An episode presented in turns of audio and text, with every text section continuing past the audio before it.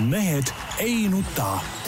selle eest, et mehed ei nutaks, kannab hoolt Unibet, mängijatelt mängijatele tere kõigile, kes meid vaatavad ja kuulavad ükstapuha mis kellaajal ja ükstapuha millisest vidinast. mehed ei nuta on taas kord eetris stuudios on Peep Pahv äh, Delfist ja Eesti Päevalehest. tervist! Jaan Martinson Delfist, Eesti Päevalehest ja igalt poolt mujalt ja Peeter Külakesest äh, tervitab kõiki nüüd äh, Tarmo Paju.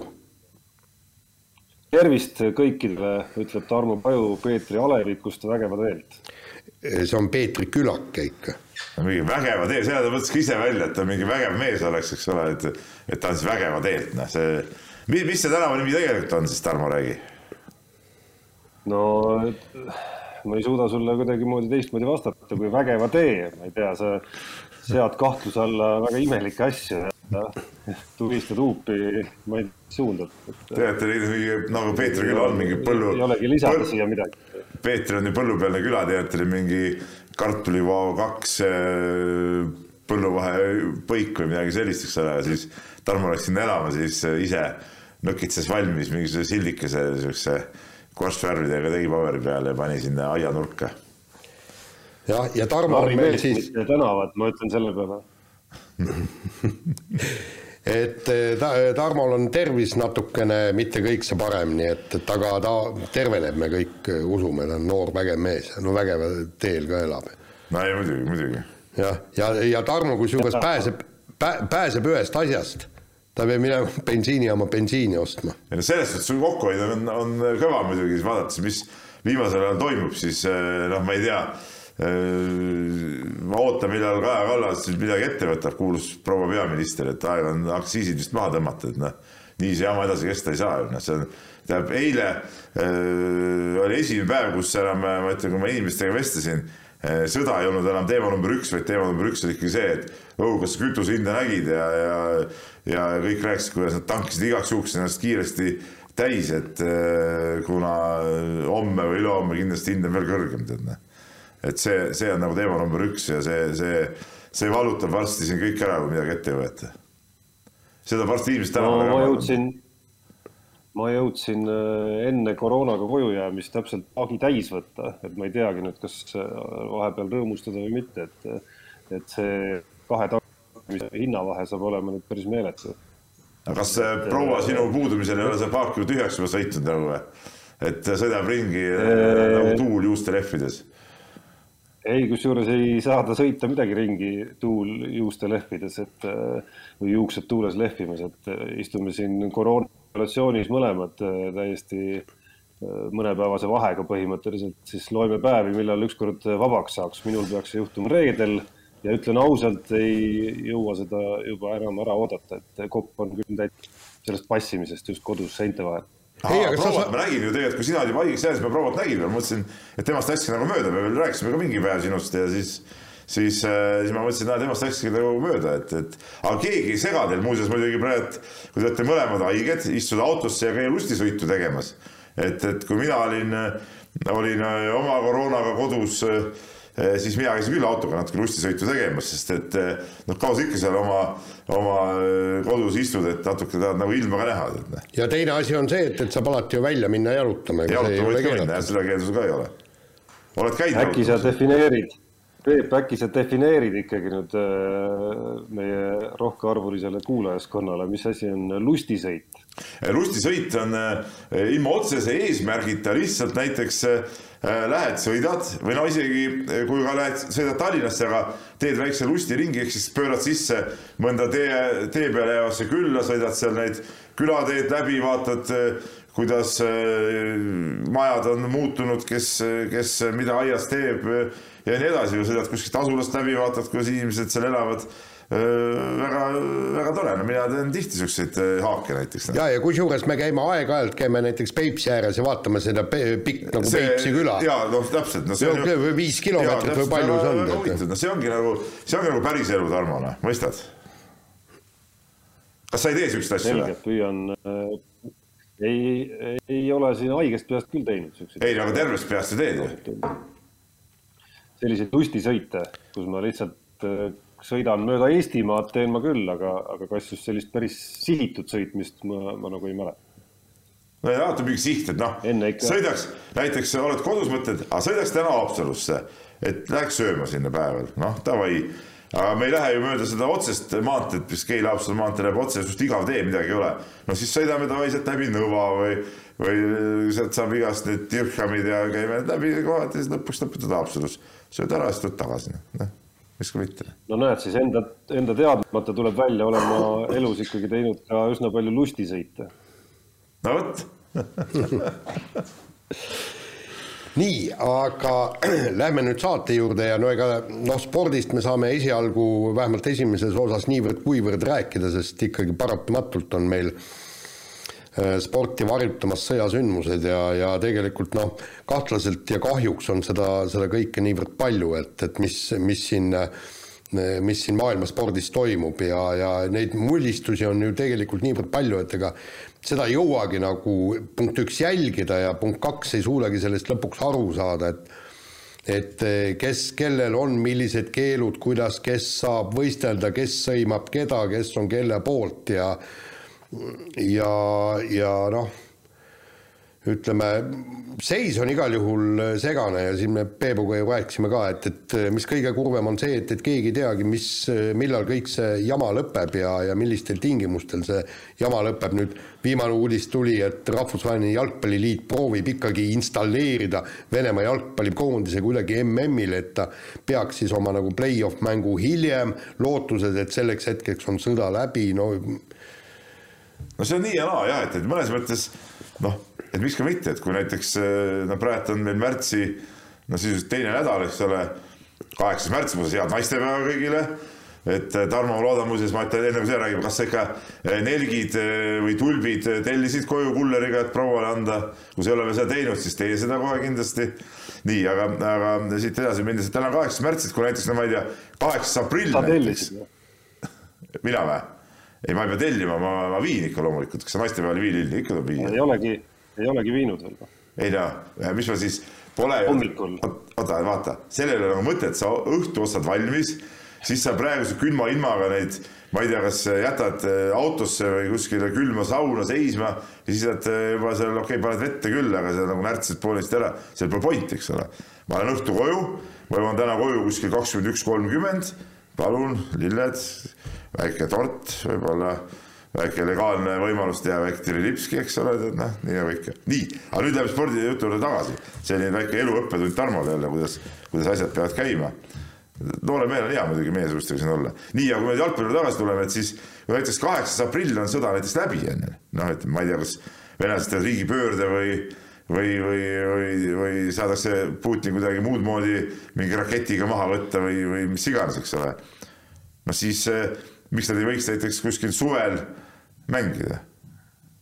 jah, või, või, või kevade lõpus kuskil. et, et, aprilli lõpus. no kõik oleneb, kuidas need asjaolud kujunevad, et natuke ütleme sihukeses asjas, kus saab venitada, isegi võib ju venitada.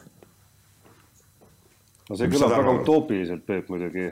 see kõlab Miks? väga utoopiliselt, mis sa räägid seal muidugi, no et see, et, et siin nagu mingisugune väga kiire lõppmäng kuskil äh, paistaks just nimelt selline nagu meie maailmale nagu soodnas suunas veel no, aga, aga me ei saa ju elada ka selle mõttega, et, et kõik jääbki nii äh, tuksi nagu, nagu see praegu on, see ka perspektiivitu ju. no mingi lootus peab ju olema.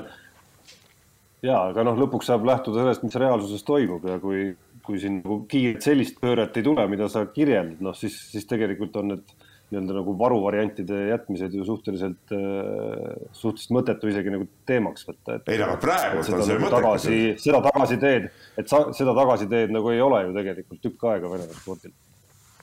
ei, mis mõttes tükk aega, nagu seda saab läbi, siis ma ei näe küll mingit põhjust, miks neid ei võiks tagasi võtta, no mis see, kui, kui nad ise, eriti kui nad ise veel eh, teevad ka midagi selleks, et see alati neil õnnestubki näiteks, ma ei tea, mingisugune eh, mingi mehhanismiga seal oma oma äh, väiksest Napoli, Napoleonist lahti saada, eks ole, noh siis äh, ma ei näe küll nagu ühtegi takistust nagu, miks nad ei peaks nagu kohe kiiresti tagasi võtma. Noh. ja muidu, muidugi tegelikult on ju see olukord on näiteks kummaline maailma tennises.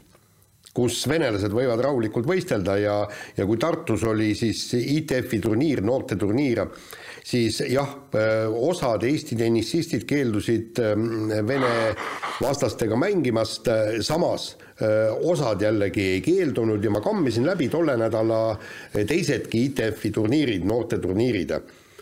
ja mitte üh-, ühtegi, venelasi ütleme niimoodi, ülemäära palju ei mänginud, aga no kümmekond ikkagi siin Euroopas.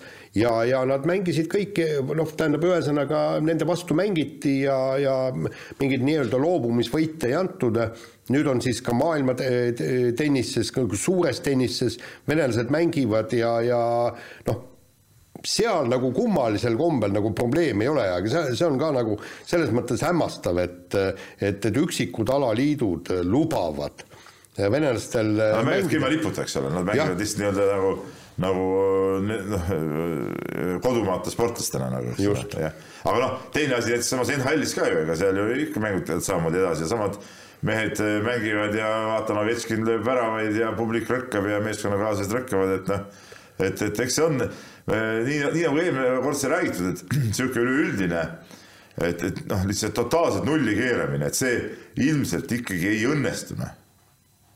noh, seal on need praegused näited nagu sama tennise näide ja sama jäähoki näide ikkagi nagu, nagu seda nagu tõestavad, et üldjuhul jah, enamus asjad on suutnud välja lülitada, aga, aga mingites kohtades ikkagi ei suudeta seda teha, noh no need tennise ja jäähoki näited on muidugi piisavalt erinevad, et, et jäähoki näite puhul äh, noh, olekski, olekski noh, rääk-, kordame natukene eelmises saates räägitud, aga olekski natukene, ma ei saa öelda, noh, ikkagi, ikkagi nagu keerulisem nagu minna, on ju, olukorras, kus nad noh, ei esinda Venemaad, vaid esindavad, kes Toronto Maple Leafs ja kes äh, Calgary Flamesi, on ju. aga, aga huvitav jah, et tennis nendest suurtest alaliitudest on, on, on jäänud nagu, on jäänud nagu sellise lahenduse juurde ja erinevalt sellest, paljudest alaliitudest, kes, kes äh, ei ole seda, kes on võib-olla sama teinud või kellel on aega võtnud, et, äh, et seal mingeid otsuseid teha on, ei ole VTA nagu saanud ka väga palju või ATP ka nagu väga palju sellist negatiivset tagasisidet selle eest. nojah, see tuleb sellepärast, et tennises ikkagi äh, see riigi esindamine seal ei ole nagu noh, seda nagu ei mängita niimoodi välja, et, et ta on selle mingi riigi äh, esindajad, tennisistid on ikka igaüks nagu iseenda eest tegelikult paljuski, noh. ja, ja kui me tegelikult vaatame neid tennisistide nimesid, kui, kui me vaatame, no okei okay,, me, me teame, millisest rahvusest, kus riigist on pärit need tipud, aga kui me lähme sinna tahapoole äh, edetabelis ja kui me vaatame seal mõnda tõesti vene nimega tennisisti, ega me ei tea ju, kas ta on äh, venelane, ukrainlane, valgevenelane, võib-olla on äh, noh, nagu Zverev mängib ju Saksamaa eest, on ju ja, ja, ja tõesti, sellele absoluutselt ei pööratagi tähelepanu lõppkokkuvõttes, võtan siis kõik need nii-öelda endiste Jugoslaavia vabariikide, eks, vitšid kõik mm, -hmm. kes seal, kes seal on ja, ja ega me ei tea ju, mis lõppkokkuvõttes rahvusest on ja sellel ei ole ka mingisugust tähendust lõppkokkuvõttes. ei no rahvuses ei olegi tähendusi.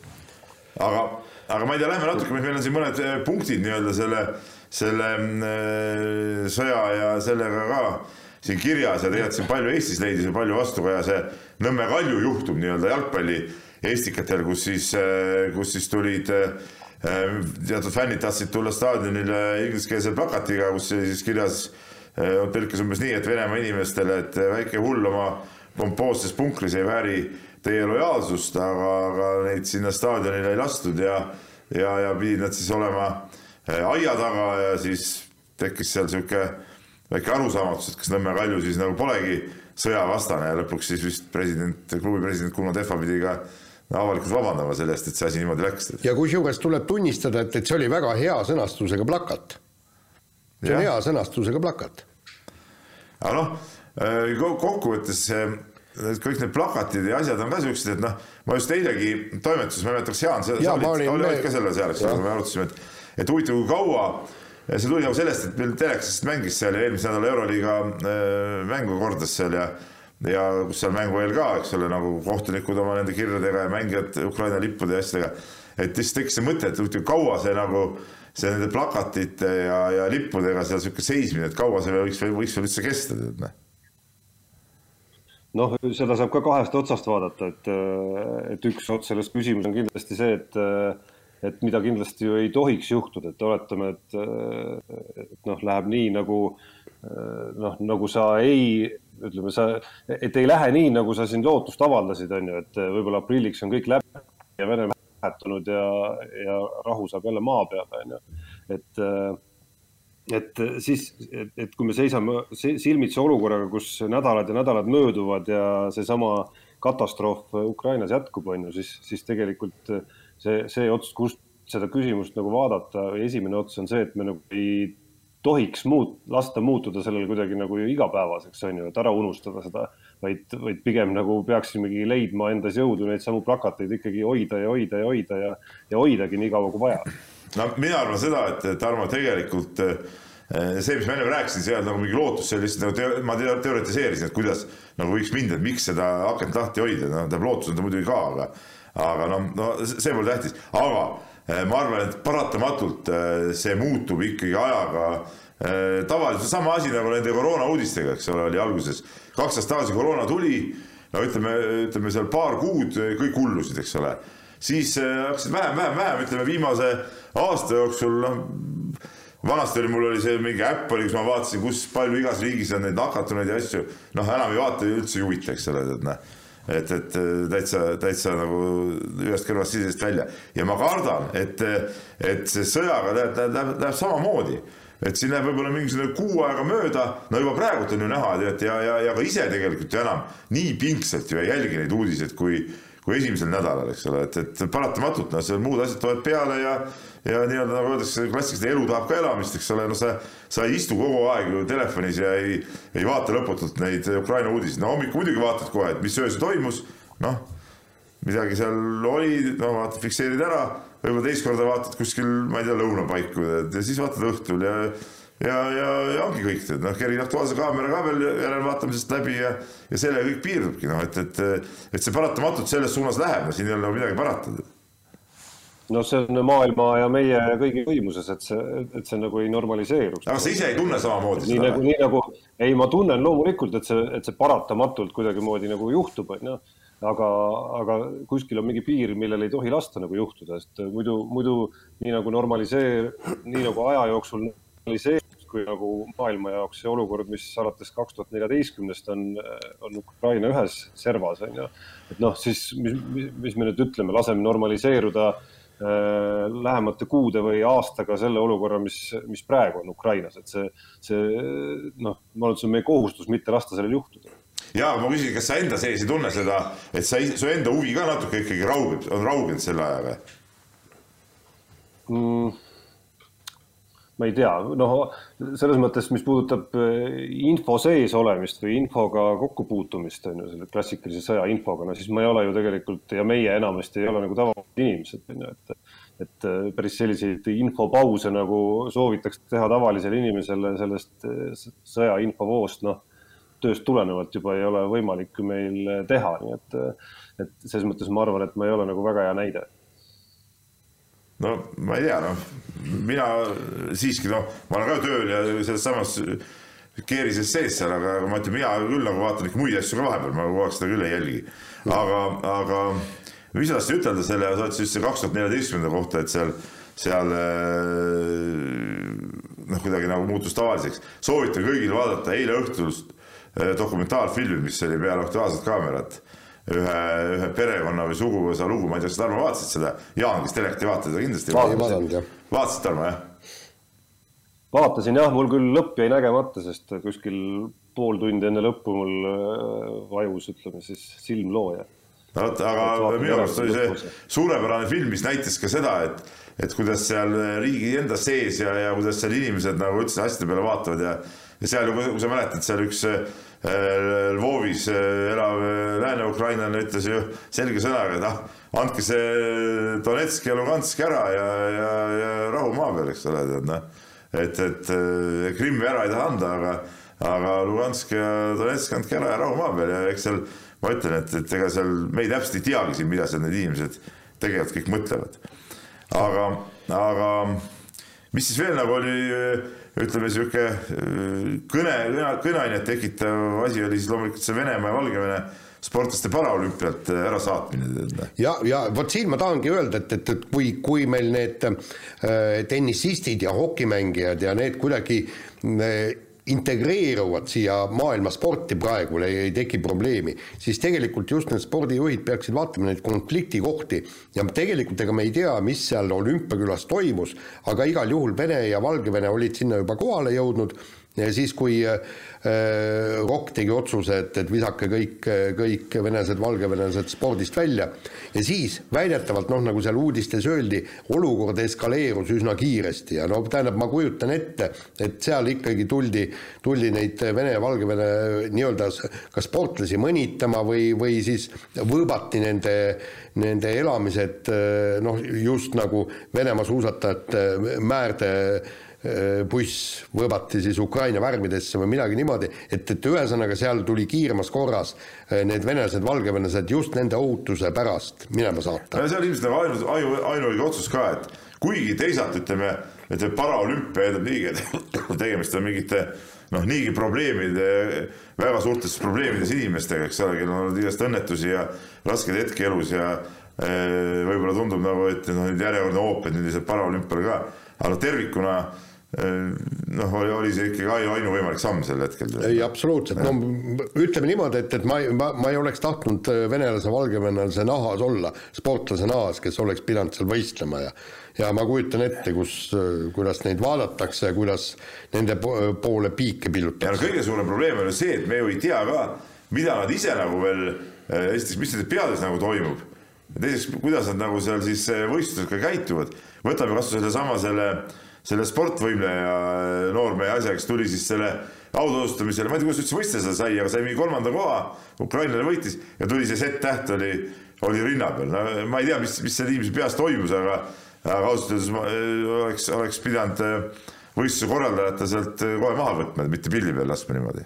ja, ja teine asi on ju siis, võtame selle Aleksandr Boltšunov, väga tubli ja tore äh, ja hea suusataja, aga see, et, et kui ta sealt nii-öelda MK-lt äh, Vene koondis minema löödi ja siis suurelt paneb Instagrami, kuidas ta poseerib siis, mis oli kaheksakümnenda aasta. kõik pressid Nõukogude Liidu koondise dressis, jah? Nõukogude Liidu koondise dressis ja niisugune. ilus pilt oli. jah, ja see müts oli hästi totter. müts oli hästi totter, jah.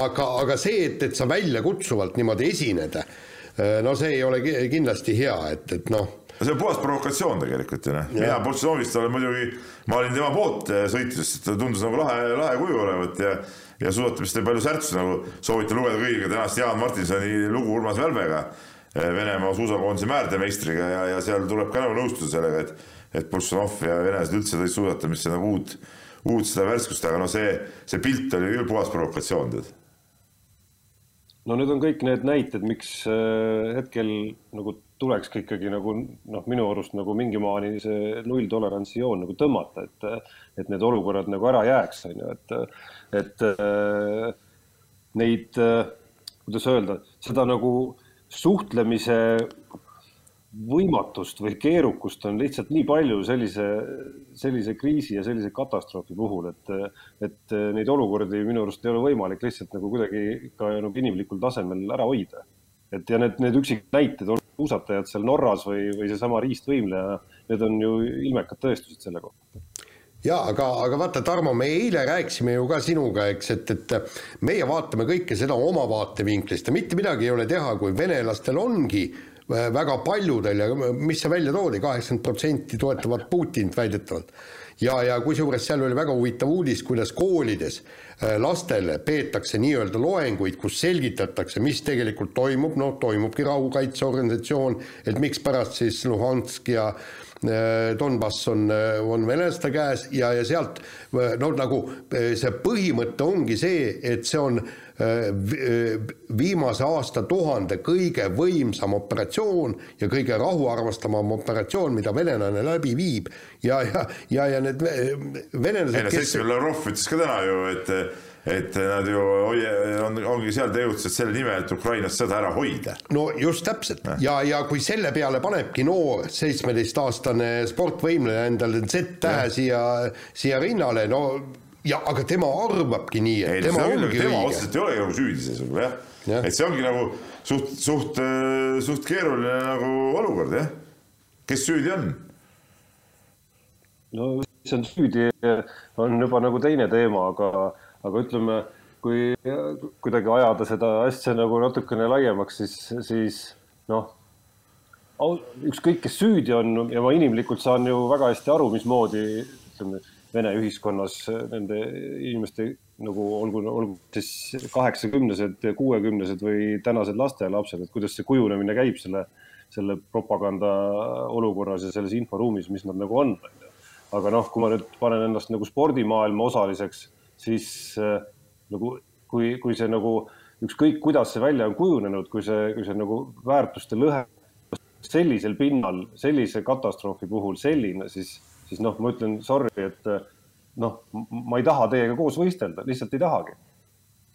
Ja kusjuures siin on hea näide, kui palju see on, peaaegu pool seda Venemaa maletajat no andsid teada oma meelsusest, ehk siis lõpetage see jama seal Ukrainas ära, sõda ja kõik nii, aga, aga nemad on ju ka laiema silmaringiga sportlased ja nende aju töötab ikka päris hästi, muidu sa malet ei mängiks. üldiselt sportlased ju reisivad üldse palju maailmas ringi ja nad peaks ju tegelikult seda reaalset olukorda tajuma nagu paremini kui kui lihtne inimene sealt kuskilt äh, Treial äh, Ivan kuskilt äh, suvalisest linnakesest. jaa, aga saad aru, nemad ju istuvadki, seesama Boltšanov, ta istubki ju tegelikult ainult spordibaasides, istub siin Otepääl, palju ta seda Eestit on näinud? ta on seal nagu kordi ja kordi Otepääl käinud, eks, aga ta teab väga hästi kõik selle rolleri raja iga viimast kui kurvi aga tal on täiesti, mis sa arvad, et ta üldse teab, et kas meil on mingi vabariik või kuningriik või? Pole ju sealt Otepäält välja saanud. aga noh, ütleme teatud mõttes on kogu selle asja hammasrataste vahele jäänud ka ju meie hokimees Robert Rooba, kes siis Tšerpavetsi Severstalli meeskonna, meeskonda läks, hooaja eel mängis seal ja, ja nüüd ei ole sealt koju saanud veel, et, et play-off ides ta kaasa pole teinud, nii palju ta on seal nagu kaubale saanud, aga, aga ära pole ka lastud tulla, et, et ja, ja paljud, ütleme, hokimehed on seal tegelikult äh, lõksus paljud ka soomlased, kuigi nüüd oli, oli vist eile oli uudis, kuidas, kuidas seal ikkagi paar meest said jälle tulema kuidagi, et, et, et see, kuidas kellelgi nagu õnnestub ja kuidas agendid suudavad suudavad neid asju seal korraldada. ja paljus on ka kinni see, et, et me, meeskonnajuhtide suhtumine seal just Soome ajakirjanduses oli, et, et nad, nad said ilma sanktsioonideta minema, tähendab klubijuhid lõpuks ütlesid, et pagan küll, kaduge, kus kurat ja, ja, ja, ja tegelikult eh, noh, seal ongi praegu ju mõtestatakse ümber kogu seda KHL-i, seal viimased artiklid ma olen Venemaalt lugenud, eks, punkt üks, välismaa meeskondi võib-olla enam ei taheta ja punkt kaks, et me ei taha ka väli, välismaa okimehi, miks me ei võiks teha oma liiga, kõik täiesti oma liiga. no jaa, vaata seal oligi nad ju, oligi vanasti Vene liiga ja nad tahtsid seda suuremaks ajada ja tegidki selle ju omal ajal suuremaks, see oli ju, ju väga-väga vinge liiga oli, siis mina jälgisin KHL-i väga tõsiselt ja, ja, ja ja ma jälgin praegu ka, praegu ma jälgin rohkem selle järgi, vaatan, et kui palju siis välismaalased seal veel ikka mängivad, väravaid löövad või, või treeneri postil on, et noh, näiteks Omski avangardis ju see Bob Hartley on ju on ikka peatreener seal, legendaarne mees, eks ole, tegelikult, et, et ja et, et see ja sealt see, kuidas ma ütlen, see äratulek ja, ja nende lepingutega seonduv teema on, on väga keeruline, see, see ei ole nii, et, et istud autosse ja sõidad ära, tead. ja et noh, Kaasani Unixis korvpalliklubist on ju üks uudis ka välja tulnud, et sealt üks ameeriklane vist läks nagu noh, nii-öelda nagu lihtsalt jalutas minema, ilma et oleks midagi üritanudki kokku leppida, et sellele saadeti vist kahesaja viiekümne tuhande eurone või dollariline niimoodi järele, on ju. ma küll ei ole jõudnud lugeda, kas, kas ja kuidas see Unixi nii-öelda nagu klubi kontori pool on muutunud, et kas sealt ka kõik need välismaalased, et seal ju oli itaallasest klubi tegevjuht tegelikult, et kas need on ka kõik sealt juba nagu ära läinud ja tööd üles öelnud või mitte, on ju, et, et mis see taust nagu on, aga noh, see on siis see taust, millega needsamad KHL-i hokimehed, kaasa arvatud Robert Roobo, peavad siis kuidagimoodi nagu hakkama saama, on ju. et päris jalga laskmisel on, on mingisugune hinnalipik võib-olla küljes, on ju, kui klubijuhid vastu ei saa tulla, et, et selles mõttes müts maha Roberti ees vähemalt, et ta, et ta on, ma ei tea, mis, mis see kokkulepe seal siis on või kuidas see kuidas nad selle nagu omavahel siis nagu läbi on rääkinud seal, aga, aga et, et, et vähemalt nii kaugele on jõutud, et väljakule Robert ei astu seal jah, et, et see jah, see hinnalipik võib olla lihtsalt üle jõu käiv lihtsalt, selles, selles on see probleem, et, et nii ühele, ühele kui teisele. nii, aga, aga. ma tahaks tõsta siis positiivse poole pealt ka esile, mis meil on nagu rääkimata ja siin oli, meil oli hea lugu oli ka Valgevene sõudjast Pavel Šurmeist, kes siis on tegelikult tal naine on ukrainlanna ja, ja Valgevene mees läks hoopis Ukraina eest sõtta ja rindele ja, ja ka mitmed Ukraina nii-öelda poksiässad, ikka sõna otseses mõttes ässad ja kuulsused. Äh, eesotsas maailmameister Ussõkiga äh, on läinud ka ikkagi kodumaad kaitsma relv käes. ja seal on teisi ka, seal on suusatajaid, laskjad, jah ja, et, et aga noh, põhimõtteliselt, kui sa oled noor mees, no miks minna, miks mitte minna, et, et noh, et kodumaa vajab kaitsmist, mitte midagi ei ole teha, et et, et, et see on siis ka meie noortele siin äh, mõtteaine, et, et arvestage, kui Eestis täpselt sama olukord on, siis ei ole teil ka pääsu. ega pääsu ei ole noh, loomulikult noh. et, et tuleb, tuleb minna. vot nii, aga lähme muude teemadega edasi vist, et ja. kodus siis algas eh, Eesti jalgpallihooaeg, on olnud juba paar päris huvitavat ja, ja tulist, tulist matši ja võib-olla kõige niisugune esimene kergemat sorti üllatus võib-olla oli siis eh, pühapäeval, kui eh, Nõmme Kalju eh, võitis võõrsil Paide meeskonda kolm-kaks. et, et Nõmme Kalju võib-olla siin eelmise aasta mudast tõuseb üles, et seal on palju muutusi tehtud. Asjad on, asjad on läinud ilmselgelt paremuse poole, et sealt, sealt võib midagi oodata, aga, aga kui me räägime siin nüüd suursoosikutest, siis tundub, et ikkagi Levadia on kõige suurem soosik. No ei tea ju, seda, seda ei oska öelda, vaata see eelmine hooaeg läks ju ka viimase vooruni nugade peale Floraga ja, ja, ja minu suurim, kõige suurem soov oleks see, et, et ikkagi kui enne viimase vooru algust ehk siis päris sügisel oleks vähemalt kolmel, äkki isegi ka neljal meeskonnal võimalus võita see meistritiitel, sest see see, see, see on äge, mitte, mitte niivõrd ühe meeskonna äh, suur domineerimine, aga see on puhtalt minu arvamus. võib-olla mõned tahavadki, et Flora ja Levadia ainult kahekesi omavahel nagistaksid. ei, väga lahe, kui oleks kõik neli, neli suurt oleks nagu mängus.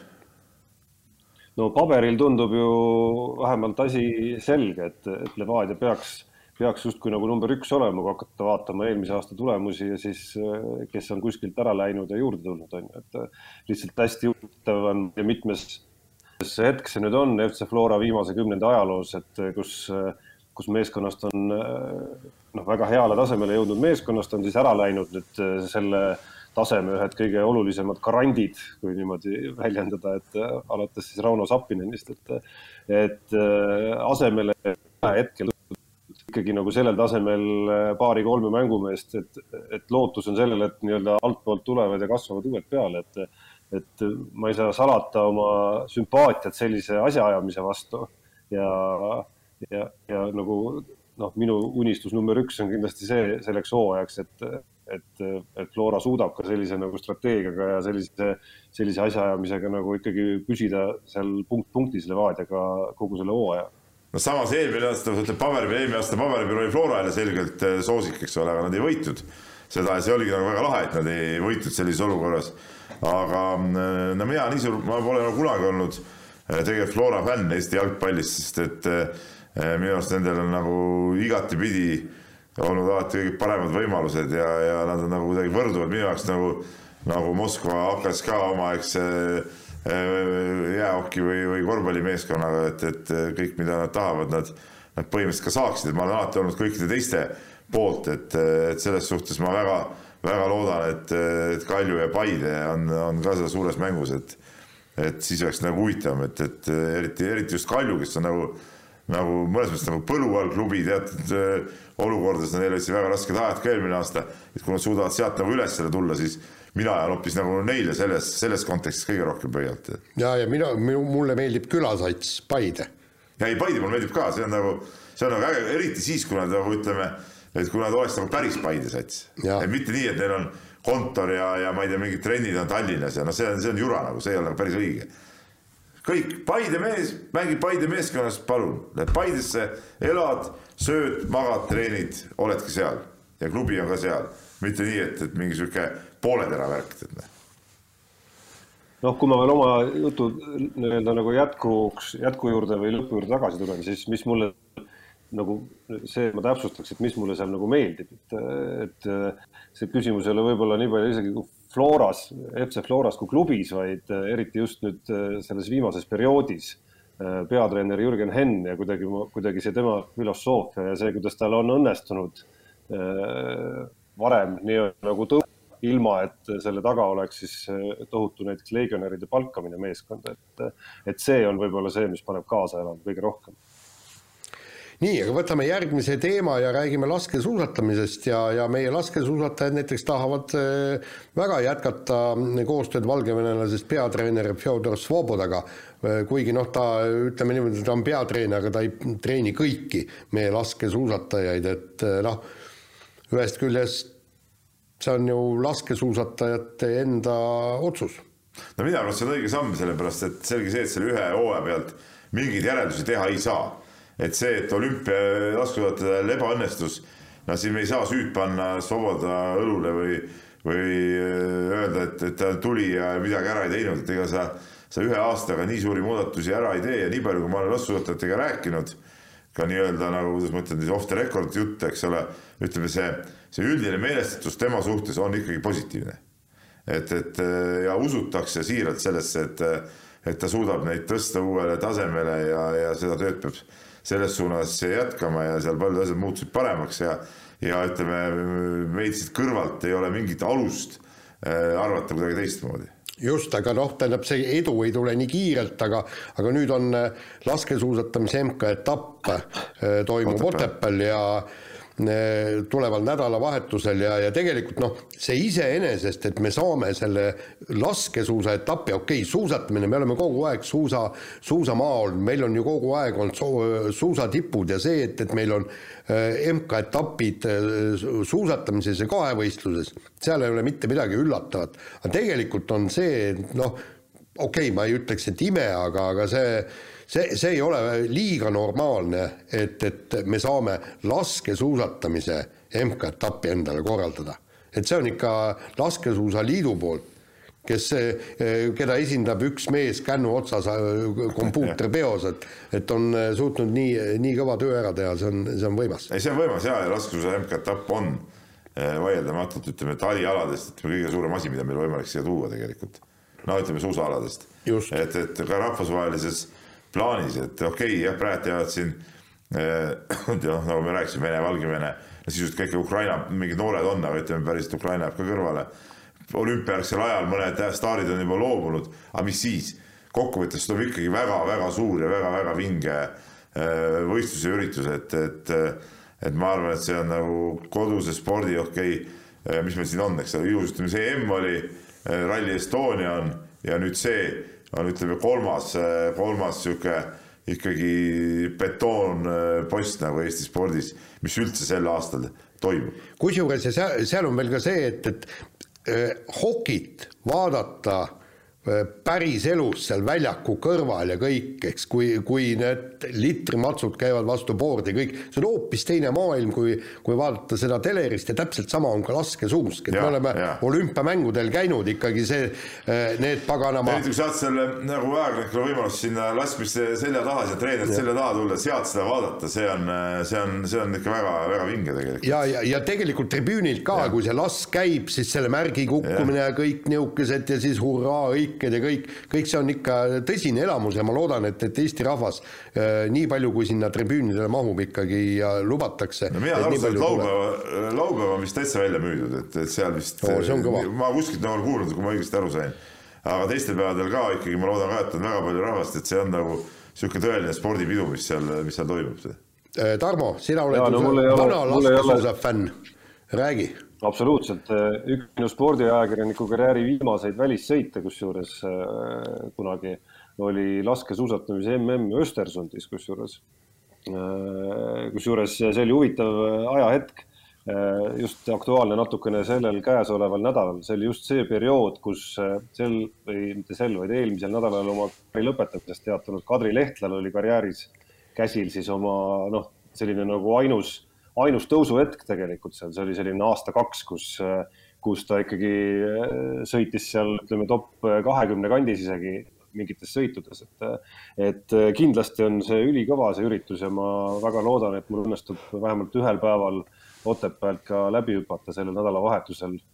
lisaks loodan ma väga, et õnnestub ka suusad nädalavahetusel alla saada ja väga huvitav eksperiment saab olema, kuidas siis see koroona, mis see nagu teinud on. Aga ma hüppan korra sinna te, nagu selle laskesuusa teema alguse juurde ka tagasi, et, et mul ei ole muud kui kiita takka sellele sellele nagu plaanile, et, et, et praeguse peatreeneriga võiks koostööd teha pikemalt, aga nüüd on küsimus, et kui, kui, kui heaks ja kasulikuks õnnestub see koostöö nagu lõpuks siis nagu teha, on ju, et me teame, et osa, osa Eesti koondisest ei ole tema käe all. samas olen ka mina kuulnud väga palju nagu sõnu tema metoodikate osas, et, et, et tahaks, et et kuidagi süsteemselt, olgu need siis ka Indrek Tobraluse õpilased või olgu need siis eh, kuskilt järelkasvav uus põlvkond, kes peaks koondise uksele koputama, et, et kõik nad siis eh, saaksid nendest eh, vähemalt kõrvalseisjatele ja nende arvates siis, siis väga tipptasemel ja maailmatasemel metoodikatest kuidagimoodi nagu süsteemset ja pikaajalist nagu kasu ja et see juurduks meil siin ja kui ta ühel hetkel ära läheb, siis, siis on kõik hea, mis ta mis ta toonud on siis nagu kaasa ka tulnud, et meil oli ju eelmisel nädalal äge uudis sellest, kuidas, kuidas äh, Jakob Kulb võttis noorte maailmameistritiitli laskesuusa sprindis, et, et see on ka see osa, mis, mis peab kuidagimoodi nagu kasu saama, ma arvan, sellisest noh, kui loodetavasti siis pikaajalisest koostööst ikkagi nagu maailma tipptasemel spetsialistiga. jaa, aga meil on miskipärast laskesuusa, laskesuusatamine on natukene anomaalne ala selles mõttes, et meil on neid äh, juunioride ja noorte tiitlimedaliste on, on küll ja veel. Tuuli Toomingas, Tsahkna, Ermits minu teada, Grete Kaim, kõik, aga lõppkokkuvõttes pole nad mitte kuhugi jõudnud Äh, võtame niimoodi, pane, paneme seal mõne teise ala, äh, võtame kas või vehklemise, paneme sinna kõrvale, kes on äh, noorteklassis jõudnud tippu, valdav osa nendest jõuab tippu ka täiskasvanuna. et, et, et seal on kuskil mingisugune kiiks on vahel selles laskesuusas ja see kiiks tuleks kuidagi ära parandada. nii, aga lähme edasi järgmise teemaga ja Äh, Anett Kontaveidi treener siis Dmitri Tursunov andis äh, äh, päris hea intervjuu Gunnar Lehestele meil siin üle pika aja saime, noh, tükk aega sai seda intervjuud aetud ja õnnestus lõpuks ära teha. ja, ja rääkis igast huvitavaid asju, rääkis sellest, kuidas Anett on võimeline võitma suurturniire, kuid peab veel selleks arenema. aga see on üks asi, aga minu jaoks oli muidugi isegi võib-olla kõige, ma ütleks, et huvitavam, jutt oli üldse huvitav muidugi, aga üks asi, mis jäi nagu eriti silma, oli oli niisugune probleemne koht, et mulle tundus, et et Anett Kontaveidi treener väga ei soosi seda, et Anett Kontaveit äh, osaleks äh, Eesti koondisest äh, Fed Cupi mängudel ja, ja see on minu jaoks nagu tegelikult kõige negatiivsem asi, mida ma sealt välja lugesin ja minu arust see on väga halb asi, kui kui meie tipud ei osale Fed Cupi turniiril. Peep, treener peab sportlast treenima nii, et ta võidaks mida? Suure slam'i turniire, aga mitte Fed Cupi. Ja see on puhtalt pragmaatiline otsus. Ja, ja, ja seal see Tursunov tõi ju asja välja, tõi näiteks Andy Murray, kes ei mänginud äh, meeste siis äh, Davis Cupi sellepärast, et tal ei olnud korralikku partnerit ja nad ei oleks kuhugi jõudnud. ma olen täiesti nõus, kui Kanep ja Kontaveit mõlemad mängiks Fed Cupi täiesti no, see ongi nüüd tenniseliidu teha, et nad mõlemad mängiksid ju saad aru. mitte, et me hakkame mõtlema selle peale, kuidas mitte mängida, et see umbes nagu mingi aja raiskamine, seda, seda see nagu ei ole nagu õige. sest et noh, oma riigi esindamine äh, spordiala esindusturniiril ikkagi peaks olema tead prioriteet nagu kõigi jaoks, see ongi nagu, see ongi sihuke noh, teistsugune asi, see ei ole nagu, nagu igapäevane tenniseturniir ja see on nagu väga oluline peaks olema. ja loomulikult see, et tenniseliit on seal tegelenud mingisuguse kuradi jamaga, et Kanepi seal ei ole mänginud viimased korrad. see on nagu see soust, mis tuleb ära, ära süüa ja, ja korda teha tegelikult. ja enne ei ole mõtet ka mingist Tallinna rahvusvahelisest turniirist rääkidagi, kui me ei suuda Eesti koondiste sinna Fedcupile, nüüd tal on mingi uus nimi muidugi, mingi totaks nimi välja mõeldud. Et, et ma vist ei mäleta seda, mis see Billie Jean Kingi kapp. King Cup ja, ja, ja, ja, ja et, et Äh, enne kui see asi on ära klaaritud, ei ole meil üldse millestki siin äh, nagu rääkida siin Tallinnas korraldamisest. ja aga see intervjuu, mis mulle meeldis, on no, see, jah, ja, ja, ja see Tursunov on, on täielikult realist ja ta ei ole see seda tüüpi treener, kes äh, neid õpilasi kõrvust tassiks ja ütleks, et vot ta on ikkagi maailma talent ja kõik nii, et ta on väga realistlikult andis teada, eks, et, et Anett Kontaveit tõesti, ta võib, võib selle, aga selleks ta peab mängima iga päev olema valmis võit, võitma, mida, milleks ta ei ole praegu võimeline. et, et sealt on veel arengut küll ja veel, et et, et see. ja mulle, mulle, ma, ma isegi joonisin sealt intervjuust endale ühes teises aknas siin praegu ühe koha alla, mis mulle juba tol hetkel, kui ma lugesin seda äh, ma ei saa öelda, et, et, et hinge läks, aga, aga jäi nagu meelde ja,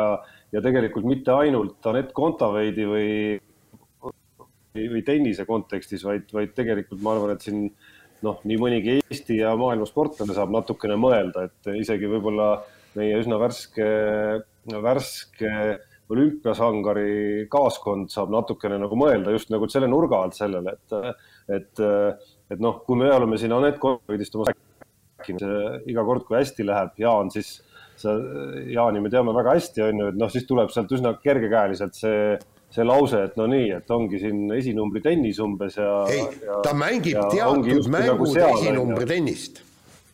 aga, aga Tursunov väga hästi seletas minu arust nagu, nagu lahti nii-öelda nagu nõudliku treenerina ikkagi, et mis kõik tegelikult ja praktikas, äh, olgu siis tehniliselt või, või psühholoogiliselt nagu puudu jääb sellest, on ju. ja, ja läks siis seal nagu edasi ja see koht, mille ma siin olen nagu alla jooninud, räägibki sellest, kus ta nagu noh räägib, äh, kui raske on äh, mäng, kes siin noh, ikkagi sellel tasemel juba on ju saavutanud, on saavutanud juba omajagu nagu edu, on ju. ja seda suhteliselt noores eas tennises ka väga tihti, on ju. et kui raske on nagu aru saada, äh, eriti veel võites, aru saada sellest, et mida kõike tegelikult on vaja veel nagu paremini teha, on ju, et, et kõrval on hästi palju inimesi, kes, kes kogu aeg noh, imetlevad ja tõstavad sind ja räägivad, kui suurepäraselt sul läheb ja võidud tulevad ja, ja noh, muretsema ei pea ja võib-olla tööd ei pea ka nii palju tegema, on ju. ja, ja noh, see Tursunovi jutu mõte oli siis see, et kuidas noorematele mängijatele on aina raskem nagu selgeks teha, et isegi kui täna läks väga hästi, et siis samamoodi jätkates ikkagi on meil probleem ja see, ja see võitmine ei ole nagu jätkusuutlik, on ju, et, et minu arust oli see selline lõik ja koht selles intervjuus, mida, mida päris paljud noh, eriti noored sportlased peaksid nagu kõrva taha panema. ja mulle meeldis see. mitte ainult ja kusjuures mitte ainult sportlased, ükskõik mis elualal, et kus, kus eh, keegi tahab heaks saada. ma lugesin ka seda sellise pilguga nagu just, et, et mis mind nagu huvitas kõige rohkem, et ma nagu ei teadnud temast ei teadnud midagi väga, eks ole, noh, ta on üldse eestlaste jaoks kuidas ma ütlen, nagu treenerina ju nagu no mitte tundmatu suurus, aga ta, see, kuidas ta inimesena treener on, see on tundmatu suurus, ma just püüdsin seda välja lugeda ja tegelikult mul jäi selline äh, väga positiivne mulje, et tegemist ei ole mingisuguse siukse äh, hurraa, hurraa vennaga, et oo, mis me siin nüüd lähme paneme ja, ja kõik on nagu timm, vaid, vaid üli sihuke, sihuke emotsioonitult realistlik nagu, et, et see oli nagu see on nagu väga hea ja, ja ma arvan, et just niimoodi võivad ka suured tulemused tegelikult sündida. ja, ja kusjuures ta ei ole jällegi ja mis Anett Kondavidile kindlasti ei sobi ka, ta ei ole seda, see nii-öelda teist tüüpi või pigem tüüpiline Vene treener, kes sõimab alati näo täis, eks isegi pärast võitmist sõimatakse nägu täis, noh, võtame need iluuisutreenerid ja kõik, et ja. mida me oleme kõrvalt mäletad, see äh, legendaarne, kes oli see naiste võrkpallitreener. no see kes, ja, kes, kes oma ja käsipallitreenerid ja venelased, õudsed raiud vennad olnud. ja jah, kõik nii, eks, et ja. aga, aga Kontaveidile niisugune ei sobi, aga ta on just realistlik kui on vaja, siis natuke silitab, aga ütleb ka, et, et kuule, Plika, et, et sul on tegelikult vaja veel kõvasti tööd teha, et, et jõuda sinna, kuhu sa jõuda tahad. vot. nii, aga lähme vist korvpalli juurde veel korraks. meil on no, äh, Kalev Cramo nüüd VTB liigast äh, lahkunud ja nüüd kogu fookus läheb siis kodusele äh, liigale, Eesti-Läti liigas on siis jäänud meeskondadel siin erinevalt mängida, kõige vähem on TalTechil jäänud üks mäng põhiturniiri lõpuni, samas kui Rapla ja, ja lätlaste Ogrel on veel vist isegi kuus mängu mängida. aga tabeli seis on juba suhteliselt selles suhtes nagu välja koorunud, et kes need kaheksa esimest peaksid olema, et seal mingi variant on, et Tartu Ülikool edestab lõpuks veel Raplat, aga see eeldab nende jaoks ikkagi asjaolude väga õnnelikku kokkulangemist, aga üldiselt kaheksa esimest satsi peaks olema paigas ja, ja, ja nendest kolm esimest siis ehk kolm suurt, eh, Riia Vef, Ventspils ja Kalev Cramo eh, ka enam-vähem paigas, kuigi ütleme, Kalev Cramo ja Ventspils võivad oma kohti vahetada seal veel, aga noh, see nagu suures plaanis tegelikult midagi ei muuda, sest et poolfinaalis lähevad omavahel kokku nii ehk naa, kui Final Fouri jõuavad. No mis ei peaks jõudma? Kas seal siiski nagu üks põnevuse koht ei ole, ei ole nagu ära ununenud, mis puudutab äh, Ogre võimalikku tõusu sinna neljanda-viienda koha heitlusesse, mis ikkagi muudab ka play-off'i pilti kohe automaatselt. no see on ka võimalik, aga see on, kõik toimub juba selle kaheksa sees, noh ikkagi tegelikult noh. ja, ja mis see ja, ja mis vahet seal on, tõuseb see Ogre äh, neljandaks või viiendaks, ta nagunii tegelikult, olgem ausad Äh, neid äh, ütleme noh, kokkuvõttes suurde mängu jäävad ikkagi need kolm satsi, et need, ma ei näe siin nagu mingit võimalust. eelmine kord oli küll Ogre pronksi peal Ventspils kõrbes seal, aga ütleme, tänavune Ventspils, eelmise aasta Ventspils on ikkagi natuke äh, erinevad asjad. Aga... ja no ta muudab nii palju lihtsalt, et Viimsi ja TalTech neljandana-viiendana on nagu garanteeritud koht esinelikus Eesti klubile Äh, et, et kui Ogre tekib sinna seltskonda, siis, siis seda kohta nagu enam garanteerituna ei ole. Ja Ogre teadupärast on läinud ka ju tugevamaks nüüd hooaja lõpus veel, et, et nüüd ka veel meile hästi tuttav Lauris Plaus läks ju sinna, tuli Ukrainast ära. et, et. ja, ja neil on väga soodne graafik siin hooaja lõpus. Neil on, neil on päris hea graafik jah, ütleme see, see detail ka, aga mis, aga mis muudab üldse kogu seda äh, kodust korvpalli võib-olla siukest nagu segasemaks ja minu arust väga hea variant see ei ole.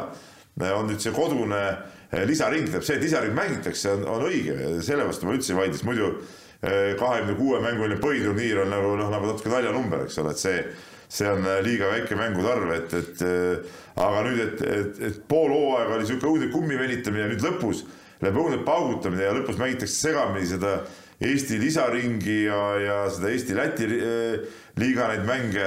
Et nagu pudru ja kapsad tegelikult ja see on, see on nagu väga halb variant ja see nagu jälgimiseks just, et mis, mis mängud on ja, ja, ja, ja mida siis parajasti mängitakse, see, see ülevaade tegelikult, äh, seda on võimatu nagu joone peal hoida.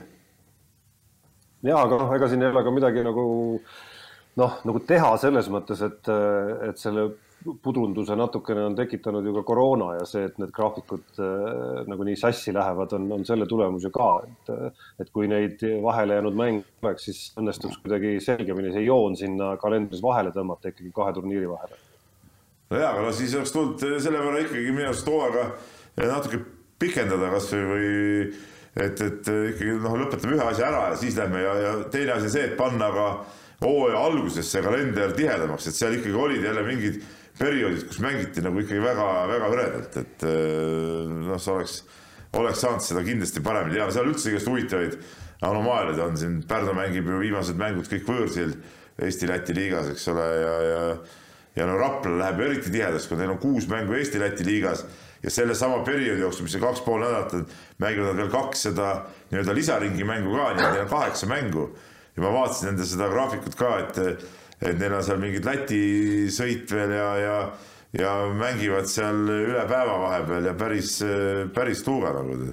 aga jah, ütleme see selguse suhtes on, on kõige, kõige keerulisem. mind see Eesti-Läti liiga tead nii väga see tulemus või on seal nüüd äh, Final Fouris äh, kaks Eesti või kaks Läti või kolm, äh, kolm Läti ja, ja üks Eesti.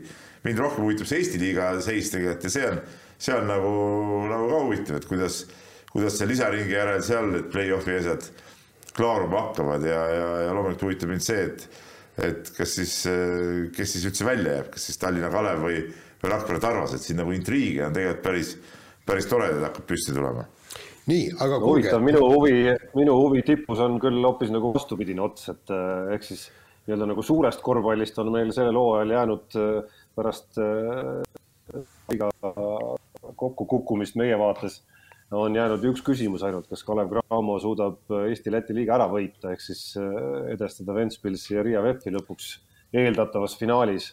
et, et see on ju tegelikult küsimus number üks, mille ümber praegu nagu nagu mõte peaks keerlema korvpallisõbragu ja tugev rohkem. ei no see on selge, et need kolm on äh, Final Fouris ja, ja üksteist kolmest võidab, et selles suhtes nagu, selles nagu mingit põnevust ju ei ole, saad ise ka aru, et see äh, play-off on ju lihtsalt formaalsus siin vahepeal.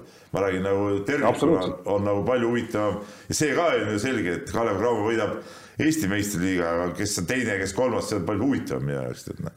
aga Kalevi ainuke. siin ma viskaks ah?, et noh, viskaks isegi siia õhku nagu mõtte, et äh, selles, selles olukorras, kus me praegu oleme, tahaks isegi näha hoopis BC äh, Kalev Cramo ja Riia VEF-i vahel eeldatavat siis hoopis mitte ühemängulist finaali, vaid ma ei tea, kolme, kolme võiduni peetavat finaalseeriat hoopis. et see oleks selline nagu suure mängu mõttes korvpallihooaja äge kulminatsioon nojah, viimasel ajal need liigad millegipärast arvestavad niisugust äh, taktikat, et on suured veerandfinaalseeriad ja siis on järsku Final Four nagu ka Euroliiga, minu arust ka Euroliigas tuleks see Final Fouri formaat ära muuta ja, ja minna ikkagi, ikkagi seal ka seeriate peale. nii, aga nüüd me peame küll kõlli laskma no toho on... pime, ma ütlen, et kell on äh, muuseas üksteist viiskümmend viis, ma ei tea, see õudne jalutamine, Tarmo räägid nii palju kogu aeg. ja, ja nüüd on kiire vahemängu jaoks üks minut ühe teema jaoks, mäletad, kunagi oli, oli. liivakell meil ja. nii, Katrin Aleis sai B-vehklemisel Budapesti MK-etapil kolmanda koha aga aitas Ukraina vehklejale soetada varustust pealaest jalad alla, nii et, et oli Ukraina vehkleja, kes on Eestis ka käinud treeninglaagrites oli tulnud sinna, varustust ei olnud, tšehhid laenasid noh, niisugust noh, kasutatud varustust kokku, aga, aga Katrina Lehisesel on üks varustusmüügifirma on sponsor ja ja, ja põhimõtteliselt mindi sinna ja siis pandi pea laest jalad allani ja kusjuures selja peale äh, jõuti ka kirjutada vehkleja nimi ja ja, ja Ukraina lipp sinna kõik panna, et, et see on vägev. väga ilus žest. väga ilus žest ja, ja, ja see, et, et ta on ikkagi noh, praegu on maailma teine number, esimene, teine number hiinlannade võiste. et oli veidikene roostes, aga, aga mm ja EM on tulekul, et, et sealt ootame jälle medaleid. No Kristiina Kuuse hea esinemine oli ka nagu sel turniiril positiivne märk, et hakkab, ütleme peale Äh, seda lapse sündi ja sealt, sealt pausi, no hakkab ikka vaikselt kogu aeg ülespoole tulema, et tal nüüd ikka tulevad nagu päris hästi välja asjad juba. jaa, absoluutselt. kuigi ta ise oli enesekriitiline. just, aga, aga noh, vaatame, äh, kes, kes lähevad EM-ile ja MM-ile, milline koondis seal on. nii. nii, aga äh, Eesti tennisemeeskond mängis siis kodus Davis Cupi maailmaliiga teist gruppi ja alistas sellise müstilise ühenduse nagu Okeaania väikesaarte koondise. no ütleme ausalt, minu radari alt, ma teadsin, et need mängud on. meie tennisereporter Gunnar Leest oli väga elevuses nendest siin juba enne mitu päeva. aga Okeaania väikesaarte koondise vastupeetavaid heitlusi ma ei suutnud ennast küll nagu keskenduda. aga tead, mis mind kõige rohkem selle juures häiris, kes oli meie esireket? Äh, räigelt häiris, Jürgen Zopp. just, kes on äh, kaks aastat tagasi lõpetas tippspordiga, mängib praegu Soome klubis ja ta on ikkagi meie esinumber, kuulge. see näitab taset lihtsalt, noh, õigemini olematut taset. jah, meie, me, meie meestennisistid ja treenerid, hakake lõpuks midagi tegema. tõrjuge see Zopp esinumbri kohalt, viimaks ära no see, see, selle, seda saab ka teisalt, et üks asi on see, kas ta on esinumber või ei ole ja teine on see, et ikkagi nagu otsus ta nagu kaasata sinna, selle asemel, et minna ikkagi nagu mängima nendega, kes meil veel, veel nagu üritavad nagu suurt tennist mängida või sinna jõuda näiteks. jaa, aga ei no minu pärast oleks võinud siis noh, kutsuda no, ma saan aru, iga ei no Luškin ja, ja Bush ja Võsand ka Võsand veel, veel, olekski saanud ju väga hea neliku veel kokku, tead noh. jah et oleme, kus me oleme oma tasemega ja kus on meie nooremad, et võib-olla ikkagi peaks laskma nagu selle ja andma kogu selle vastutuse nagu neile ikkagi. no tead, see oleks ikka piinlik, kui me oleksime mingisugusel, ma ei teagi, mis saared seal on, seal on mingid Naurud, kus ei, on kümme tuhat elanikku midagi. Kuulnurvuti saar. mina tean, seal on, seal on näiteks Lord Howe'i saar, et ma ei tea, kas keegi ei sattunud teist ETV-st vaatama, oli esimene osa ühest äh, ägedast dokist, mis tutvustabki Austraalia ümbruse väikesaari. et sealt mul jäid päris mitu tükki, et täitsa võiks mingil eluetapil kolida sinna elama üks neist oli Lord Hove'i saar, saar.. kodumaa reeturite jutu me katkestame nüüd peale rääkimisega. kas mõni mäng jäi? kolida sinna elama. Läheme järgmise punkti juurde, eh, mis meil siin kirjas on ja, aga seda pidid sina, Jaan. ja, ja Andre Adoma, endine Hyundai rallimeeskonna boss, eh, andis külmalt ja kalgilt teada, et, et Hyundai ongi praegu kolmest kõige, kõige kehvem ralliauto ja mis on kõige parem, kõige parem ralliauto on Ford muidugi ja no, muidugi, no see, see, see, seda väidet äh, ei saa päris nii võtta, mille, millele see tugineb, noh? see tugineb ilmselt sellele, et äh, esiteks, kui seal on hea äh, piloot. Autos või juhtautos, siis see auto võidab, eks, nagu me mäletame, siis Monte Carlo Äh, ralli. Monte Carlo ralli on spetsiifiline ralli, mis ei näita seda täpselt ära, kindlasti mitte. jaa, aga tegelikult seal, seal ja mõned... ma ütlen, et Ford on kehv, Ford ongi väga, väga äge, minu arust kõige ilusam auto praegu vaieldamatult MM-sarjas selle vastu nagu ei saa ka vaielda ja, ja ta võibki olla kõige parim auto, aga, aga tegelikult ma arvan, et praegult ei ole võimalik ütelda, kas Toyota või Ford, kumb neist parim. just, aga ühte võib öelda, Hyundai on kõige kehvem ja, ja, ja, ja mitte sellepärast, et tehakse kehva tööd, aga lihtsalt hakati pool aastat hiljem seda autot arendama. mis sa põrinate fänn arvad sellest?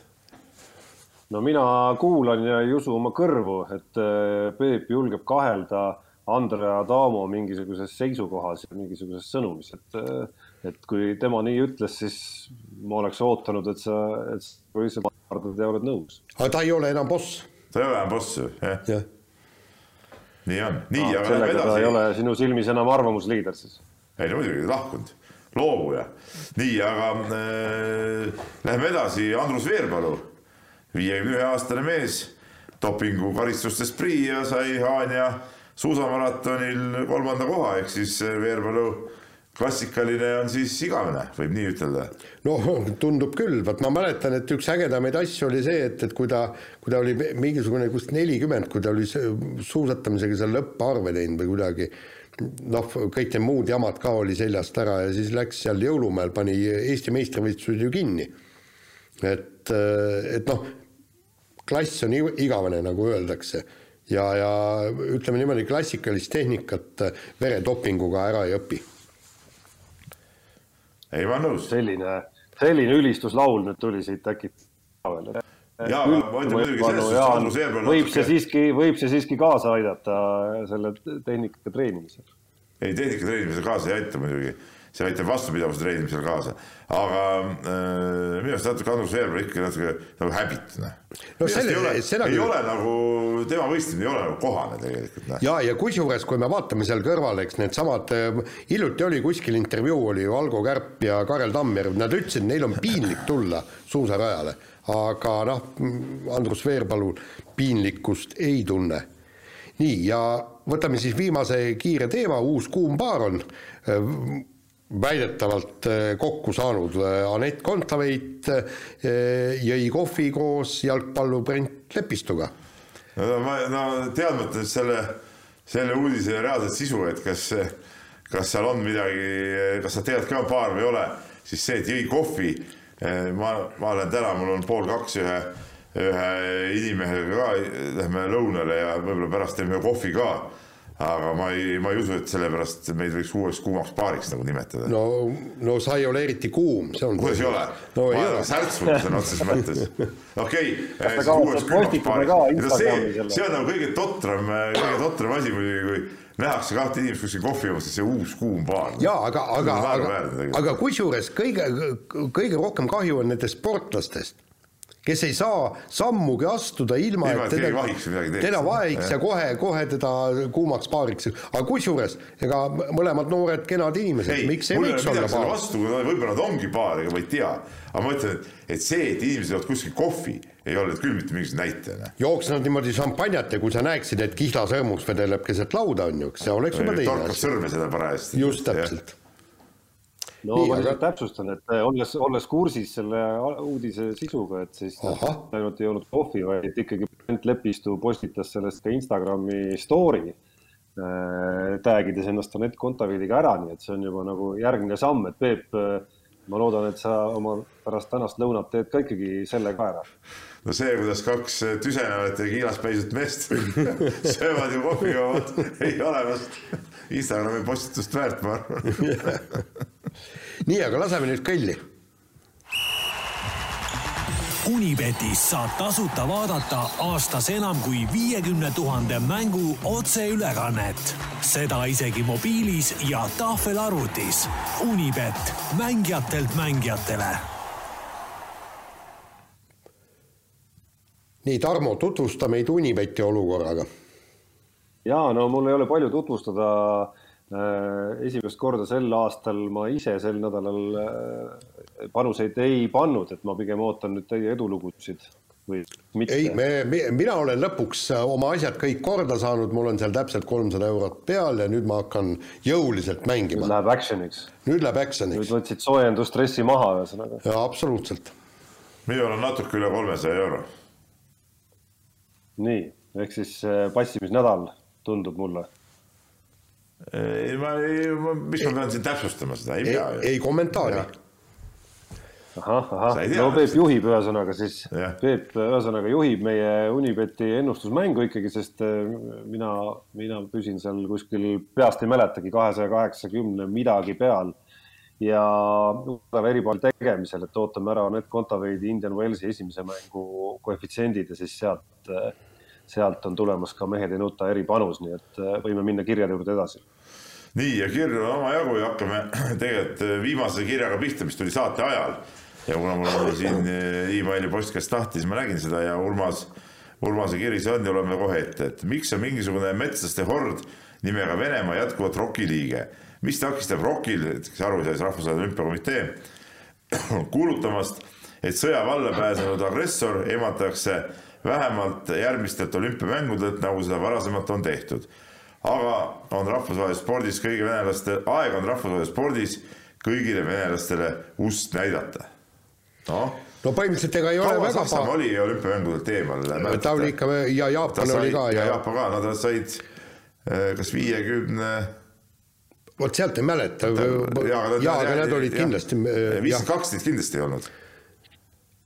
ei olnud vist. jah Tarmo, sa oled noor mees. ei, ei, ei sellist faktimälu mul ei ole. ja, aga tegelikult see, see oleks üldse halb mõte see oleks üldse halb, halb mõte. mina tegelikult nagu ma ütlesin, mina sellist pikka karistust tegelikult eh, sportlastel nagu ei poolda, et see on nagu, see on nagu minu arust mõttetu, see ei muuda nagu mitte midagi. seda, et praegult ja seda, sellega ma nõus, et ROK-i liikmelisus tuleks praegult äh, peatada.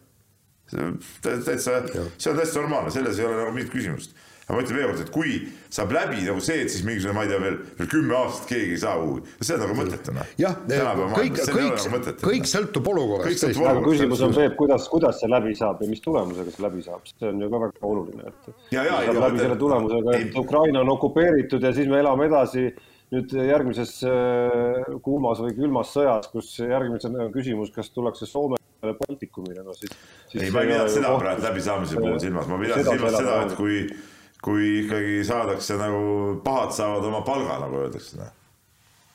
et, et siis, siis võiks sellise, muidu tuleks, tuleks muidugi teha. nii, aga samas äh, teistpidi huvitav küsimus on Heikilt. Äh, kas olete uurinud, kas need piirangud Venemaa sportlastele ja koondistele on juriidiliselt ka pädevad? kui suur on võimalus, et läbi kohtute tuleb nende otsuse, osalemine taastada ja võib-olla isegi mingeid kahjutasusid maksta. aga see on muuseas täitsa võimalik tegelikult et kui nad annavad mingid asjad kassi ja kass otsustab, et äh, jah ja, nii on, sest et ma ei tea, mis ma ei ole mingisugune rahvusvahelise õiguse spetsialist, ma ei tea, Tarmo võib-olla teab kõige paremaid asju, et, et kas on mingid, mingid reaalsed rahvusvahelised, rahvusvahelise õiguse mingid reeglid, mis mis sellise asja välistavad näiteks? Äh, tead, ma, ma olen vaadanud neid uudiseid, esimesed uudised tulid äh, mingi nädal tagasi, siis kui esimesed väljaheitmised toimusid. kõik venelased, äh, tähendab mitte kõik, aga väga paljud alaliidud Venemaal andsid teada, et nad annavadki asja kassi, aga nüüd on sisuliselt nädal aega on vaikust olnud ja, ja, ja ma olen tõesti, ma lasen iga päev no Vene põhiuudised lasen läbi. kui kas tegeleb, ega siis ei tulegi mingeid uudiseid ju ei, ei, venelased vähemalt Alpa, peaksid andma, et nad on ja. andnud selle ja. asja kassi. aga, aga teine asi on, kuidas sa takistad, kui, kui Norra ütleb, et, et ei saa võistelda, no okei okay,, ei, nemad tulevad ikkagi sinna võistlema, siis ongi niimoodi, antakse start, viis venelast läheb rajale, sõidavad ära, kõik hurraa, te olete võitnud, nii, ja siis hakkavad alles teised võistlema, no seal on, igatpidi saad ju mängida neid asju ma arvan, et see on suurepärane võimalus äh, siiski mitte rääkida teemal, millest, millest nagu, no mõtlen sellest ju, juura teemast, millest nagu väga ei tea, et, et vaid pigem minna saatest Peep lahku ja, ja lasta mõnel, mõnel selle ala eksperdil natukene seda juriidikat seletada lihtsalt. ja, ja lihtsalt ma ütlesingi, et ma ei tea midagi, mõtlesin, kas sina tead neid asju lihtsalt, see, see oli küsimus sulle, ma ei püüdnudki mingit seisukohta võtta selles asjas. ja no ma jään lugejana, lugejana ootama seda lugu Jaan, lähed tagasi ja hakkad ei, mul on no, juba teine ülesanne. sul oli teine ülesanne antud juba, jah nii, nii, lähme edasi. üle ühe ei suu-, ei saa, üle ühe ülesande ei saa anda siis või? ei saa. ei no Jaan teeb, no vaata, kui ta teeb nii häid lugusid, nagu tänane Urmas Helme lugu oli, siis see ongi päevatöö, noh. või ei ole sinu arust või? oli väga hea lugu. noh, aga see võtabki aega, seda ei tehta niimoodi ülejala nagu äh, onlinerid nagu noh, see ei käi niimoodi, sa tead seda. nii, aga lähme edasi. ja Margo kirjutab meile ja, ja ka väga huvitav küsimus tegelikult. Äh, kuulasid eelmist saadet, kus oli suur segadus, kas ja milliseid sportlasi tühistada seoses Ukraina ründamisega. see võib olla õige samm, aga pidagem seda siis ka tulevikus meeles, kui peaks vaja olema tühistada näiteks USA sportlased. soovin jõudu ja et teil sel hetkel tulevikus siis pehmoks, et ei puutuks pehmoks. no ka õige, sest ega ka USA on ju osalenud ja korraldanud igasuguseid imesõdasid ja, ja, ja võiks ka nendele teha ju omad käigud. ei, need, need on vabastusoperatsioonid, nagu sa tead, kus, kusjuures eestlased on ju ka osalenud, seda on nii Afganistanis no, kui ka Iraanis kui et see, need on vabastusoperatsioonid. vaata nüüd jälle, jälle Tarmo, pöördume sinu poole, sa oled kõik targem mees nagu meist niimoodi selles suhtes nagu siukses. spordivälistes asjades, spordivälistes, ütleme poliit, eh, noh, sa ei vähemalt. ei, aga võrrelda kindlasti mitte. sa püüad vähemalt olla, et äh, näiteks kui need, mm, seal on igasugused mingid Süüria, Iraani, Iraagi, seal kogu aeg käib mingisugused madinad, eks ole, üks ründab ühte, teine teist, eks ole, sõjad käivad ju, need ei oska muud moodi elada ju Äh, kas need riigid on ka kuidagi nagu spordist välja lõigatud, ei ole ju? aus vastus on, et äh, ma ei tea ausalt öeldes.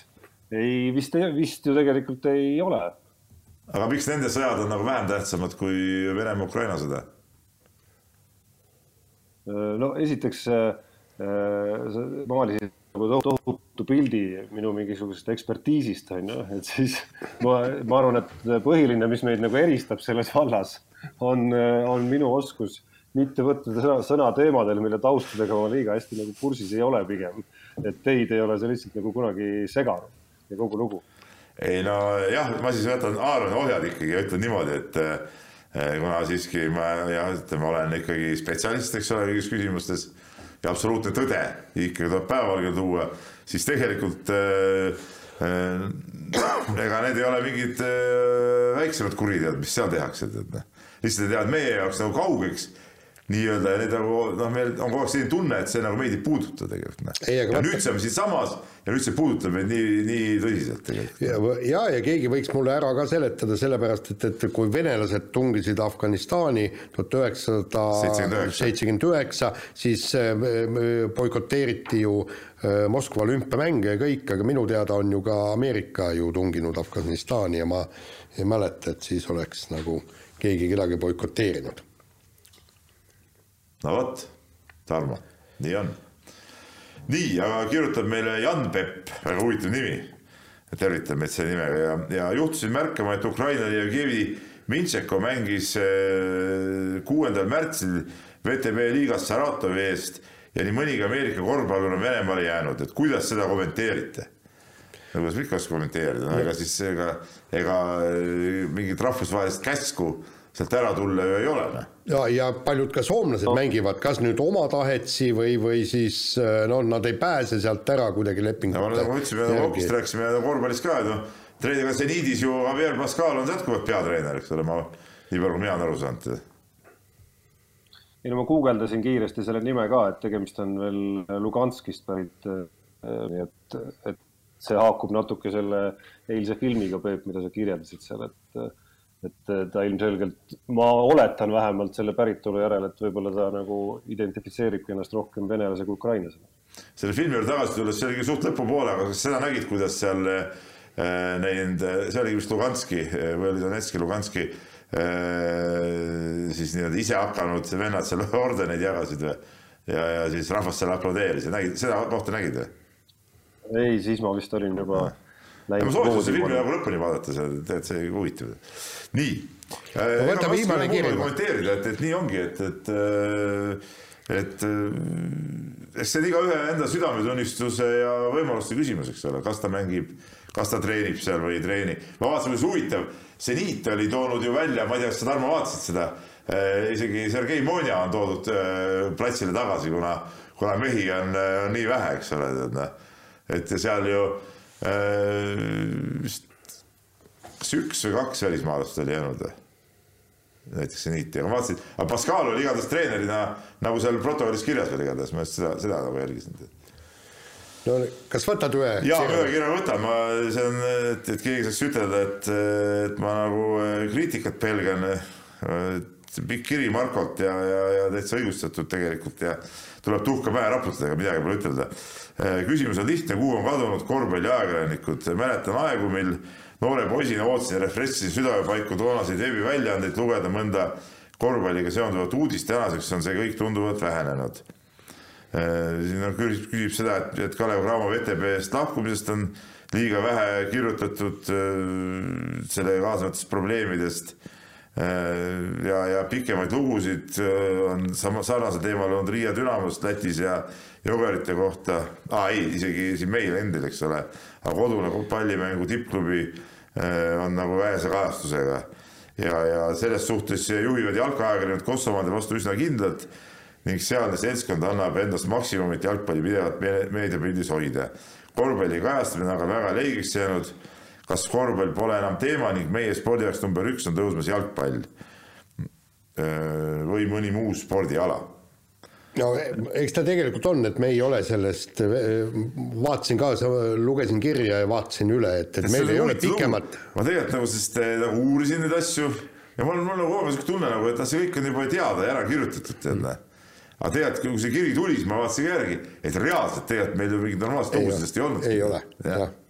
Et, mis on nagu, mis on, ütleme, ma pean selle võtma enda süüks tegelikult, see oli nagu täitsa, täitsa äh, mul on natuke probleeme sellega tegelikult, et mul nagu see korvpalliinfot nagu iseenesest nagu on ja tihtipeale mingid asjad tunduvad, et ah, see kõik ah,, noh, see on juba olnud, see on juba räägitud ta-ta-ta, aga tegelikult mõned asjad ei olegi nagu tead loona nagu välja tulnud, et noh. et ma pean siin natuke mingit natuke korrigeerima kuidagi seda, aga mis aga puutub tervikuna korvpalliajakirjandust, no siis, äh, siis tegelikult olgem ausad, korvpalliajakirjanikud äh, on Eestis ikkagi täiesti Äh, välja surnud sisuliselt, et kui me hakkame nüüd mõtlema, kes olid need, ütleme äh, viisteist aastat tagasi näiteks tugevad korvpalliajakirjanikud. näed, Tarmo Paju istub äh, praegu seal teisel pool ekraani. see ei tee teda, ta on tubli korvpallikommentaator, üks minu vaieldamatu absoluutne lemmik. Pole seda kunagi varjanudki, mulle väga meeldib, aga ajakirjanikuna korvpallis absoluutne null, eks ole, tegeleb mingisuguse muu jamaga, nii, siis Tarmo Tiisler, äh, kes tegi suurepäraseid raadioreportaaže korvpallist, hiljem ka televisioonis, on rohkem pöördunud jalgpalli ja laskesuusausku. korvpallis näeb teda noh, väga harva mõnikord seal. Äh, ja kuna ETV ülekandeid ka ei tee, siis äh, noh, nad käivadki väga põgusalt kajastamas, sama puudutab ka Kristjan Kalkunit näiteks. nii, lähme edasi. Ville Arike, nüüd siis töötab Postimehes, kes oli ka alaline korvpalliajakirjanik, nüüd tegelikult Postimees kirjutab rohkem jalgpallist hoopis. ja nagu me Ekspressist lugesime, sõdib ka mingisuguste treeneritega seal. Äh, Andrus Nilk, legendide legend, ütleme nii. Äh, töötab nüüd Korvpalliliidus, äh, kirjutab Korvpalliliidu kodulehele korvpalliteemalisi nuppusid ja ma ütlen, et ähm, peale Andruse korvpalliliitu minekut on Korvpalliliidu see koduleht basket.ee tase tõusnud eh, tuhat protsenti. et, et need lood ja nupud on seal huvitavad ja, ja igal juhul ma loodan, et see niimoodi läheb ka edasi ja, ja jätkub, et aga kahjuks ajakirjandus, noh, see, see ei ole ka päris ajakirjandus. ja no lehtedes ja no ma ise ka siin tegelen mingi kümne muu asjaga ka, ainult selle korvpallile keskenduda ei saa ja ega ongi see meie korvpalliajakirjanike ring enam-vähem äh, täis, eks ole, ja, ja uued nooremad mehed, noh, kes ei jaga asja, keda korvpall ei huvita, ütleme siin Ats Kuldkepp natuke meil ja Jarmo Javomägi Postimehes üritavad kirjutada, aga noh, väga nad ei valda seda asja nii hästi muidugi. no aga ma arvan, et nad arenevad ja nad on tegelikult tublid poisid. Ats on tubli poiss mis sa, Tarmo, arvad, jätsime kellegi praegu nimistust välja või? selle ära kadunud korvpalliajakirjaniku no meil on nimistust. lahkunud ka mitmed korvpalliajakirjanikud on lahkunud meie seast ja, ja ajakirjandusest üldse ja noh, eesotsas Olev Kajakuga, kes ei, no, oli okay, no, legendide legendid ja, ja üks viisteist aastat tagasi, kes ikka väga palju käisid ringi. ja no sa jätsid kindlasti ühe olulise nime nimata, on Ivar Jurtšenko. jaa, muidugi. kes kes, kes ei ole ka tegevajakirjanik, noh. ta kirjutas nagu ikkagi vähe, ta oli ka rohkem ikkagi nagu halloomees nagu tead. Noh. ei no Delfi, Delfis aastaid olles ikkagi, ikkagi tegi ta ka, tegi ta ka ikkagi nagu noh, küll veebi suurusega lehte Delfil tollal, tollal veel ei olnud nagu juures ühtegi ajalehte, nagu praegu Eesti Päevaleht, et ta tegi ikkagi ka väga palju, väga palju ka korvpalliuudist ja nagu kirjutavat osa sinna juurde, et, et ma olen jah nagu nõus selles mõttes, et, et sellest uuest põlvkonnast ei ole nagu nii kirglikke eh, kossugi nagu peale kasvanud, kelle puhul just selline nagu kod, noh, kodus toimuv ja kodumaine ja, ja Eesti mängijate ümber toimuv, kes, kes nagu hoiaks minu arust nagu noh, nagu väga kirglikult nagu sellel osal silma peal, et, et kui kasvõi Ats meid kuulab, siis, siis utsitaks ka sind, et pane nagu gaasi ja kirge rohkem sisse sinna nii, kuulge, aga mehed, nüüd me peame saate katkestama, sellepärast et see on äh, vist ajaloo pikem, pikim saade ja, ja Tarmole head paranemist ja muud ei ole, kui kuulake meid järgmine kord. Juhhei. mehed ei nuta. saate tõi sinuni Unibet, mängijatelt mängijatele